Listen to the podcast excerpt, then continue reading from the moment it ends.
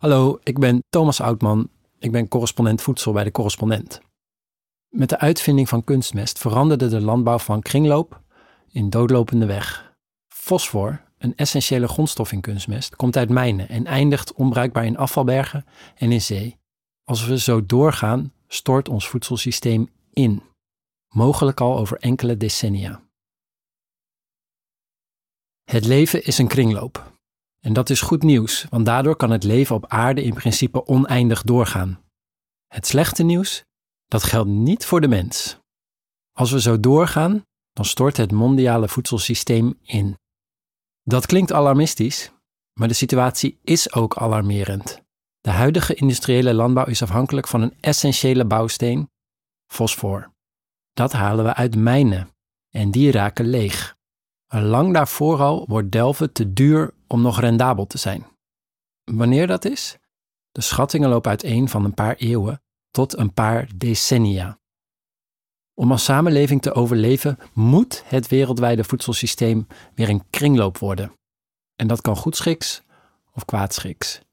Maar als we willen voorkomen dat er massaal slachtoffers vallen, kost het proces ons tientallen jaren. En dus is er geen tijd te verliezen. Om te begrijpen wat het probleem is, moeten we even terug naar de basis. De mens heeft, net als elk organisme, een aantal mineralen nodig: stikstof, kalium, calcium, ijzer, een hele rits en dus ook fosfor. Dat is een noodzakelijk onderdeel van ons DNA. En het vervult in elk organisme allerlei andere vitale functies. Zonder fosfor geen leven. En zonder fosfor ook geen landbouw. Lang haalden boeren fosfor en alle andere voedingsstoffen voor hun gewassen grotendeels uit het lokale ecosysteem, rechtstreeks uit de bodem, of door schapen te laten grazen in natuurgebieden, woeste gronden zoals die vroeger genoemd werden. Daar aten die schapen wilde planten vol voedingsstoffen, zoals fosfor. En die belanden grotendeels in de mest. Met die mest, en ook met alle menselijke ontlasting, maakten boeren hun akkers weer vruchtbaar. Boeren hadden het grootste deel van de geschiedenis geen idee wat het precies was dat de aarde vruchtbaar maakte. Maar in de 19e eeuw isoleerden chemici fosfor, stikstof en kalium en toonden aan dat planten sneller gingen groeien als deze elementen aan de bodem werden toegevoegd. Zo vonden ze kunstmest uit. Op die manier konden boeren landbouwgrond die voorheen weinig of niks opbracht, productief maken. Kunstmest werd dus een lucratieve investering voor de boer. Nou, laat dat maar aan het rijke en ondernemende West-Europa over. Tussen de jaren 50 en 70 van de vorige eeuw gebruikte de Europese Unie jaarlijks, met Nederland voorop, net zoveel fosforgesteente als de rest van de wereld bij elkaar. Het probleem is dat het huidige voedselsysteem gebaseerd is op een enkele reis van essentiële voedingsstoffen, zoals fosfor. Fosfor wordt gewonnen in mijnen en belandt na gebruik via ons verteringskanaal als afval in zee of onder de grond. Als het op is, is het op. Anders dan stikstof, wat tegenwoordig spotgoedkoop uit de lucht kan worden gehaald, zijn we voor fosfor aangewezen op fosfaatgesteente. Tot voor kort lag het gros van de complete bekende wereldvoorraad in Marokko en de door dat land om deze reden bezette westelijke Sahara. Afgelopen jaar is er een gigantische voorraad gevonden in Noorwegen, waarmee de totale bekende voorraad is verdubbeld. Het is nog onduidelijk of dit gemakkelijk te winnen is, maar hoe dan ook is het geopolitiek gezien uitstekend nieuws voor Europa: eigen fosfor. Maar zoals het nu gaat, koopt de wereld daar als geheel slechts enkele decennia mee. Want het fosforgebruik neemt toe, in de landbouw, maar ook in andere sectoren, met name de elektrische auto-industrie. Het oerstomme is dat we gebruikte fosfor op dit moment als afval zien. De dierlijke mest die boeren niet meer op hun land kwijt kunnen, wordt voor het overgrote deel verbrand in biomassacentrales, ook al zit die vol fosfor en andere belangrijke mineralen. Hetzelfde geldt voor de fosfor die wij mensen opeten. Die komt via onze darmen in onze ontlasting terecht. In de tijd voor de kunstmest was elke drol daarom goud waard. Al het organische afval, inclusief onze poep en plas, werd aan huis opgehaald en door boeren weer uitgestrooid over het land. Sinds de vorige eeuw spoelen we onze ontlasting argeloos door de wc en dan via het riool en de waterzuivering door rivieren en meren naar zee. En dat komt bij de fosfor die van landbouwgrond wegspoelt. Al die verspilde fosfor verwoest wereldwijd onze waterecosystemen. Een ware natuurvernietiging. In Nederland haalt de waterzuivering tegenwoordig gelukkig ongeveer 87% van de fosfor uit het rioolwater. Dat scheelt voor het milieu, maar daarmee is het nog niet terug in de kringloop. Omdat we ook onze medicijnen en schoonmaakmiddelen door de afvoer spoelen, raakt het zuiveringsslip dusdanig vervuild dat het rioolslip sinds de jaren 90 onder geen beding terug mag naar onze akkers.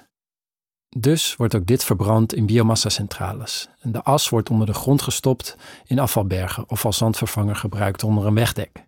Klaar is Kees. Door deze industrialisatie van de landbouw is het geen kringloop meer, maar een lineair fabrieksproces dat tot het uiterste is opgeschaald. En dat houdt een keer op. We maken de natuur kapot. En de fosfaatmijnen zullen vroeg of laat niet meer rendabel zijn. Het is ultieme kortzichtigheid, vergelijkbaar met het opstoken van fossiele energie. En even desastreus voor de mondiale samenleving. Dat moet dus anders. Punt. Hoe lang we daarvoor hebben, is niet helemaal duidelijk. De vondst van een enorme voorraad fosfaatgesteente in Noorwegen vorig jaar is uniek, maar het is wel waarschijnlijk dat er nog meer onbekende voorraden zijn. Aan de andere kant neemt de vraag steeds maar toe. De zuiverste fosfaatgesteenten zullen misschien al over een paar decennia uitgeput zijn. Peak phosphorus, zoals economen het noemen. En dan gaat de prijs rap stijgen. Lage landen zijn dan als eerste de klos. In delen van Afrika, Azië en Latijns-Amerika kampen kleine boeren nu al met fosforschaarste, omdat kunstmest te duur is.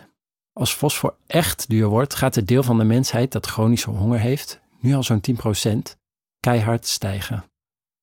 En ook hier in Nederland zullen niet alleen vlees en groenten, maar ook basisvoedsel zoals pasta en aardappelen voor veel mensen simpelweg te duur worden. De enorme opgaven waar de Nederlandse landbouw nu al voor staat, zoals het stikstofprobleem, zullen met terugwerkende kracht futiel lijken. Gelukkig is er een oplossing, al heeft hij heel wat voeten in de aarde, namelijk het herstellen van de kringloop. Het is pure noodzaak om niet te wachten tot fosfogeddon, zoals onderzoekers het noemen. Het is nu tijd om te beginnen met het ombouwen van ons voedselsysteem. Wat ons te doen staat is het dichten van alle grote gaten in de kringloop. Een deel daarvan kan al snel, stoppen met biodiesel bijvoorbeeld. Een zwart gat voor voedingsstoffen. En de verspilling van voedsel, nu al zo'n 30%, kan ook naar beneden als we ons best doen. Een andere essentiële opgave, het rioolsysteem. Dat is ontworpen om poep en urine simpelweg af te voeren als afval. Wil je die hergebruiken, dan moet het complete systeem omgebouwd, tot en met de wc's aan toe. Maar het belangrijkste en moeilijkste is dat de hele landbouw anders zal moeten worden ingericht. Dat begint met de veehouderij, want het overgrote deel van alle kunstmest wordt gebruikt voor voer, voor koeien, varkens en kippen. Dat is sowieso al veel minder efficiënt dan het verbouwen van plantaardig voedsel. En zolang niet alle mest nuttig en efficiënt kan worden ingezet in de kringloop, blijft dat een enorme put van verlies. En daarmee zijn we er nog niet. Want ook de hele akkerbouw is, doordat kunstmest zo goedkoop is, helemaal niet meer ingericht om zo zuinig mogelijk te zijn met voedingsstoffen. Om het wel weer te doen, zijn niet alleen andere methodes nodig, maar ook andere gewassen. Planten die goed passen bij het lokale ecosysteem en daarom weinig kunstmest nodig hebben. Om de kringloop te sluiten is een complete transformatie dus noodzakelijk. Niet alleen van de landbouw, maar van de hele samenleving. Dus er is geen tijd te verliezen. En voor de duidelijkheid, er was al geen tijd te verliezen. De stikstofcrisis, de belabberde staat van de natuur, al die boeren die failliet dreigen te raken. De landbouw moest al lang op de schop. Laat de dreiging van fosfogeddon het duwtje zijn dat we nog nodig hadden om in actie te komen. De correspondent bestaat tien jaar. Al tien jaar maken wij journalistiek voorbij de waan van de dag. Journalistiek die niet polariseert, maar perspectief biedt. Die geen ophef najaagt, maar oplossingen zoekt. Wist je dat de correspondent 100% door leden wordt gefinancierd? Dat betekent dat we ons werk alleen kunnen doen als luisteraars zoals jij ons steunen. Word vandaag nog lid. En draag bij aan diepgavende, advertentievrije en onafhankelijke journalistiek. Ga naar decorrespondent.nl en word lid.